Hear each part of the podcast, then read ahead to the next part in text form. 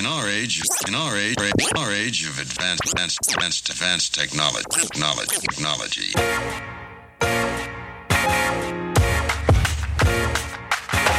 Digit, digit, digital dialogues.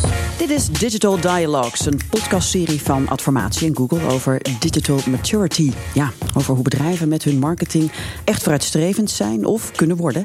Nou, in zes afleveringen verken ik, Meike de Jong, samen met natuurlijk experts en specialisten het pad dat bedrijven moeten bewandelen om een digitale en datagedreven marketingorganisatie te worden. Want ja, wie wil zorgen dat eh, de klant beter wordt bediend en dat resultaten natuurlijk ook verbeteren, moet nu echt gaan bewegen. Nou, eerder hoorden we al dat data onmisbaar zijn, natuurlijk voor marketing. Om een compleet beeld te krijgen van wie jouw klant nou eigenlijk is, moet je zowel on- als offline de juiste data verzamelen. Nou ja, je wilt natuurlijk eigenlijk weten, uh, niet zozeer wat een bezoeker allemaal bekijkt op je website, maar je wil ook weten wat zijn interesses zijn. En dat is natuurlijk veel belangrijker. Maar waarom is dat interessant? Daar kan je veel relevanter uh, je producten en je advertenties op afstemmen. Ja, de eerste stap is dus data verzamelen, zodat je een compleet beeld kan krijgen en bouwen van wie nou eigenlijk jouw klant is. De volgende stap, en daar gaan we het in deze podcast over hebben, is namelijk automation. Oftewel, hoe kun je als bedrijf algoritmes bijvoorbeeld of kunstmatige intelligentie en andere tools zo integreren dat de klant nog beter kan worden bediend. Nou, gaat het uiteraard niet uh, alleen doen. Ga die vraag beantwoorden samen met een aantal gasten. Dat is Guido Perotti, uh, Transformation Director bij DDB Unlimited. Welkom. Met Quinten Selhorst, medeoprichter van Felix van de elektrische deelscooters.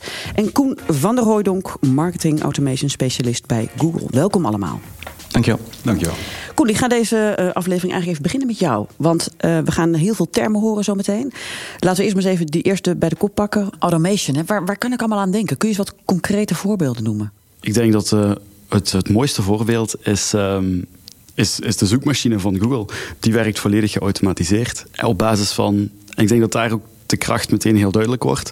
Um, wanneer jij vanavond thuiskomt en je hebt bijvoorbeeld zin in pizza, dan google jij op pizza bestellen. Dan google jij niet op pizza bestellen Amsterdam.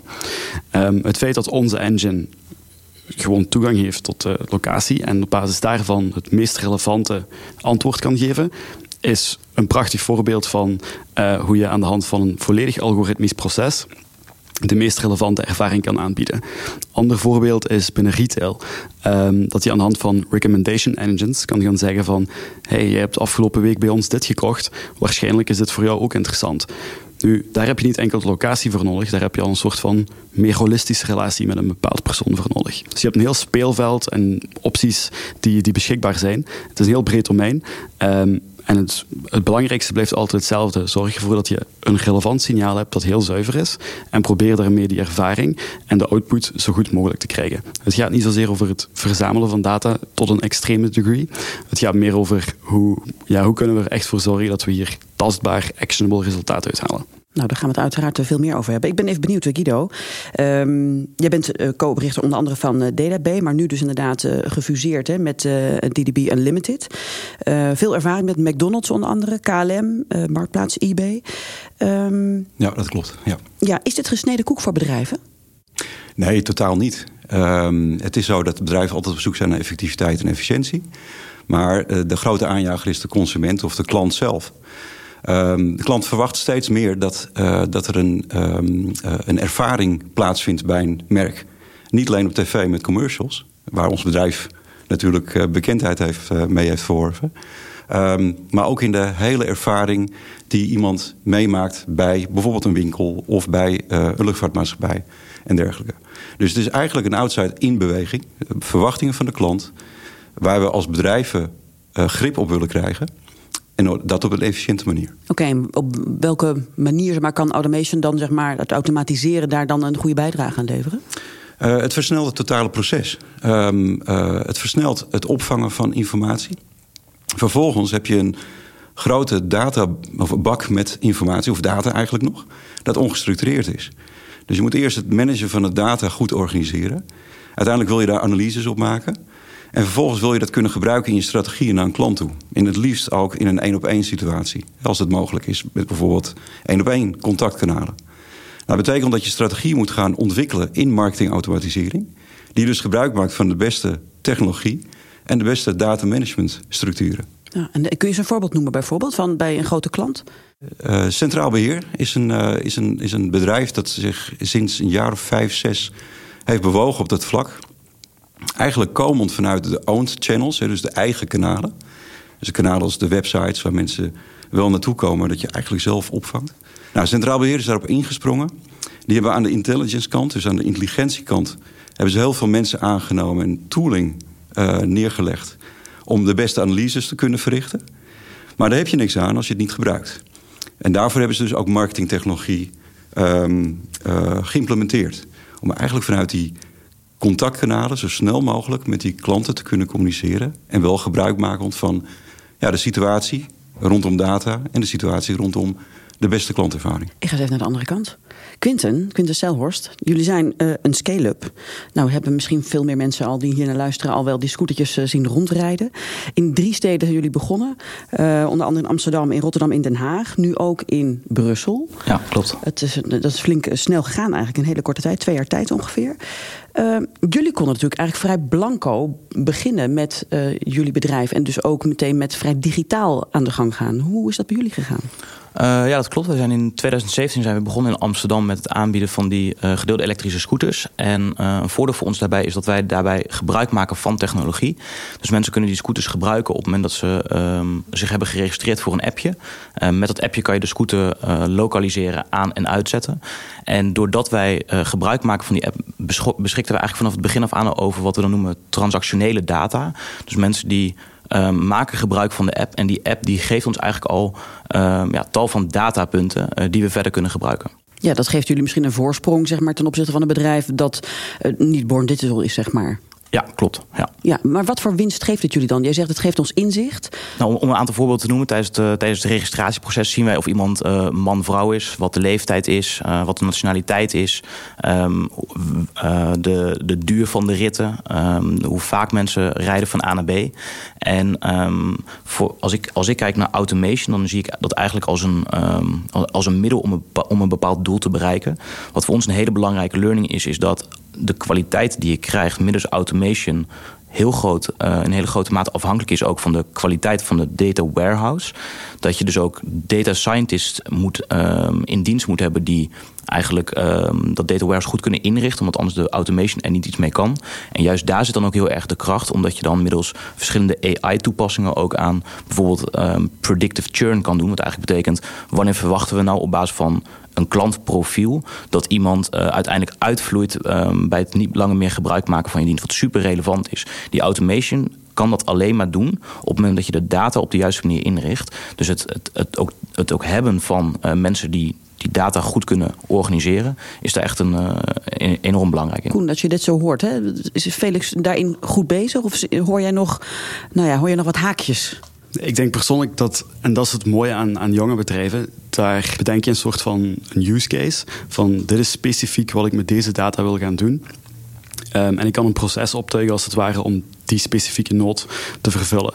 Um, dat is relatief eenvoudig te doen, omdat die systemen nog niet echt al twintig jaar bestaan en nog honderd, andere doeleinden hebben. Um, ik denk dat dat mooi is en ik denk als je dat goed kunt gebruiken, dus van daaruit verder bouwen, dan, dan ja, maak je echt gebruik van het feit dat je nog niet met al die legacy zit. Als, als ik mag aanvullen, wat ik, wat ik ook heel erg sterk geloof, is dat um, het, het kan ook heel erg complementair zijn aan elkaar. En dat ligt heel erg aan um, welk bericht je in welke fase met welk doeleinde uh, wilt overbrengen aan de consument. Als ik het gewoon even heel praktisch maak uh, vanuit, ons eigen, uh, vanuit ons eigen bedrijf. In de beginfase, als we nog geen klanten in de stad hebben, en we willen heel graag heel snel heel veel tractie genereren, dus heel, heel snel heel veel klanten werven, dan denken wij dat het um, heel sterk werkt als mensen eigenlijk de hele tijd, um, als ik zeg, geconfronteerd worden met ons product. is dat misschien een beetje de negatieve bewoording. Uh, maar we willen eigenlijk dat we de hele tijd bij hen op het netvlies staan. En um, ik geloof dan dus ook heel sterk dat op het moment dat je dan door de stad loopt en de hele tijd, uh, in ons geval Felix ziet, omdat we A, door de stad rijden met uh, onze ambassadeurs, wat we noemen. Dat zijn influencers die ook weer die online traffic genereren. Op het moment dat jij bij een um, taxistandplaats staat en je ziet daar grote abris hangen van Felix. Op het moment dat jij de trein uitstapt um, op centraal station en daar een, uh, in, op de lokale buienradar ziet van... hé, hey, pak een Felix, want dat is de snelste manier. Ik geloof dat dat heel erg complementair werkt en dat dat heel erg de boodschap versterkt. Koen, hoe, luister jij hiernaar? Is dat inderdaad, is het of en online zeg maar, dat blijft beide bestaan? Dat sowieso. Um, dus um, ik denk dat ze naast elkaar blijven bestaan. De, e-, het enige wat er volgens mij gaat gebeuren is die heel veel bedrijven denken nu echt wel in een soort van de, de digitale termen. Um, dus die, die nood aan measurement, meetbaarheid en, en inzichtelijke output, die wordt volgens mij enkel sterker. En er zullen volgens mij technologieën komen die dat meer en meer mogelijk gaan maken. Oké, dus daar gaan we verder daarover praten. Ik ga eerst met jullie uh, richting de Digital Maturity Benchmark.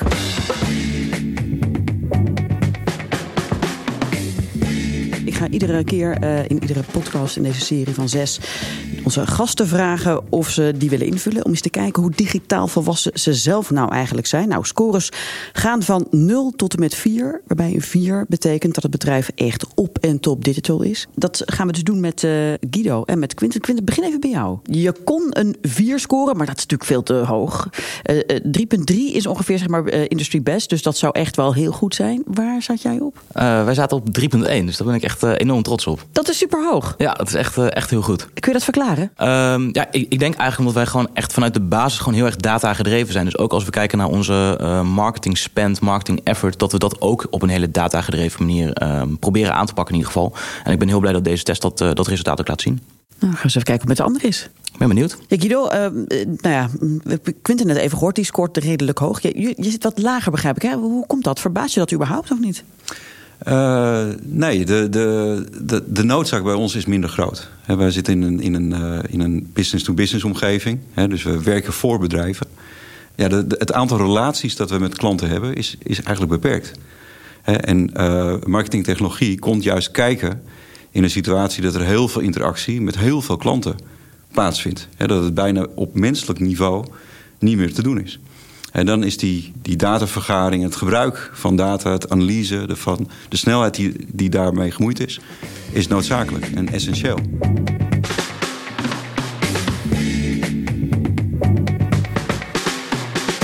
Ja, Guido, ik wil hem eigenlijk bij jou weer even uh, oppakken na, deze, uh, leuke, uh, na dit leuke onderzoekje. Um, ja, voor een start-up, dat hebben we eigenlijk net al een klein beetje van Quinten gehoord, is het wat makkelijker natuurlijk om digitaal te gaan, om te automatiseren. Want dat, ja, dat is eigenlijk zoals ze begonnen zijn. Dat is voor grotere bedrijven natuurlijk een stuk lastiger, want dat betekent een hele omvorming. Uh, maar kun je iets concreter misschien wat voorbeelden noemen over wat jij tegenkomt bij grote bedrijven als het gaat om automatisering? Op welke manier? Wat gebruiken ze bijvoorbeeld? En wat werkt dan vooral heel goed? Zo uh, werken we bijvoorbeeld voor Macro in Zuid-Amerika. Dat is nog steeds onderdeel van het SHV-concern. En zij zijn ook in een route beland van marketingtechnologie. Um, eigenlijk te weinig klantcontact dat geregistreerd werd. En sowieso de klantcontacten die er waren, die werden niet benut. En, en daar kan technologie dus uh, doorbrekend zijn. Koen, als je dit hoort, wat, wat, levert dit op? Ik werk met heel veel adverteerders die, die hun paid media channels binnen Google dan um, op een efficiënte manier proberen te beheren. Nu we hebben daar een oplossing voor, genaamd uh, smart bidding bijvoorbeeld. En hetgene wat smart bidding doet, is die leert van uw historische data als adverteerder zijnde. Die kijkt welke interacties hebben voor conversies gezorgd. Um, en die gaat daar meer van halen op een automatische manier. Maar dat veronderstelt dat uw systeem er perfect in staat is om te zeggen welke kliks voor conversies hebben gezorgd en welke niet. En dat is het mooie daaraan, zie ik heel vaak gebeuren in mijn dagelijkse operatie. Uh, wanneer ik dan bijvoorbeeld aan een retailer de vraag stel van hetgene wat, wat jij nu rapporteert als conversies, is dat jouw echte waarheid? Is dat hetgene wat bottomline resultaten bijbrengt voor uw bedrijf? En dan gaan mensen daar kritisch over nadenken en komen ze tot de conclusie van ah, onze returns zitten daar bijvoorbeeld niet in verwerkt. Waardoor zo'n systeem waar je dan best veel moeite, tijd en effort hebt ingestoken om dat goed op te zetten. Um, waardoor dat, dat een, een, heel andere uitkomst gaat doen uh, dan, uh, dan je eigenlijk zou hopen. Ik denk dat dus hetgene wat, wat bij mij heel vaak um, goed werkt, is echt heel glashelder hebben van kijk, dit willen we heel specifiek uit deze use case halen. Um, als marketingteam zijnde, kijken wat daarvoor nodig is en van daaruit verder bouwen. En dan heel vaak kom je tot de conclusie van ho, onze conversiedata heeft nog geen toegang bijvoorbeeld tot onze, uh, tot, onze, tot onze cancellations of onze returns. En dan kom je in die grotere change trajecten terecht. Maar ik denk door het zo klein te houden en klein te beginnen, echt vanuit een soort van ja, het operationele, hoe kunnen we dit verbeteren, dan kom je vanzelf in die hele flow terecht. Um, en het, het, gaat heel vaak met vallen en opstaan. Maar één keer die weg is ingeslagen, dan, um, dan, dan merk je ook gewoon dat er een andere manier van werken komt binnen zo'n organisatie. Dat er, uh, dat er heel veel mogelijkheden zijn. Ja, tot slot eigenlijk, uh, heren. Wat kun je als tip meegeven eigenlijk voor andere bedrijven als die stap willen zetten? Wat moeten ze doen of misschien juist dus niet? Uh, Koen, kun jij eens een, een tipje van de sluier oplichten? Um, kwaliteit van data is het belangrijkste wat er bestaat. Dus enerzijds moet je glashelder voor ogen hebben welke objectieven je eruit wilt halen. En anderzijds, um, en anderzijds moet de data die je in de systemen stopt om te leren en om actie te ondernemen, die moet glashelder zijn en, en super zuiver. Um, en beide zijn best wel uitdagingen die, die ook niet een 1, 2, 3 kan oplossen, maar door het klein te houden in het begin leer je vanzelf van waar de valkuilen dan precies zitten. Nou, en en er je er bewust van zijn, zeg maar, dat dat een uitdaging is in een hele organisatie, dat helpt natuurlijk ook al uh, mee. Als de verwachting van automation is dat, um, dat we gewoon zeggen van ja, we willen volgend jaar 25% groeien. We klikken op dit knopje en het komt eruit gerold. Dan, uh, dan is dat niet het juiste framework om erover na te denken. Uh, het gaat echt over hoe kunnen we bijvoorbeeld binnen onze, um, binnen onze brandcampagnes ervoor zorgen dat we dynamic creatives hebben die automatisch aangepast worden op basis van externe signalen. En hoe kunnen we daarmee aan de slag gaan? Wat een heel andere use case is dan het hele performance marketing stuk, waar het dan echt gaat over hebben we de juiste klantdata waar we op handelen en hebben we de juiste conversiegegevens en is die zuiver genoeg. Dus ik denk dat, dat soort van het klein houden, dat is, dat is de uitdaging enerzijds. Maar als je daarin slaagt, is dat ook net het, mooie ervan. Als ik uh, mag aanvullen op, uh, op Koen en uh, verbeter me ook als het, als het niet zo is. Als wij kijken naar de automated tools, dan zie je dus ook dat je uiteindelijk op basis van enkel klantprofielen dat is uiteindelijk wel de, zeg maar, de eindfase. Dat je eigenlijk kunt voorspellen op het moment dat iemand binnenkomt bij jou in de funnel, wat de kwaliteit van die klant is. Dus hoe goed is die klant? Valt hij in het bakje van de beste performance van jouw bedrijf?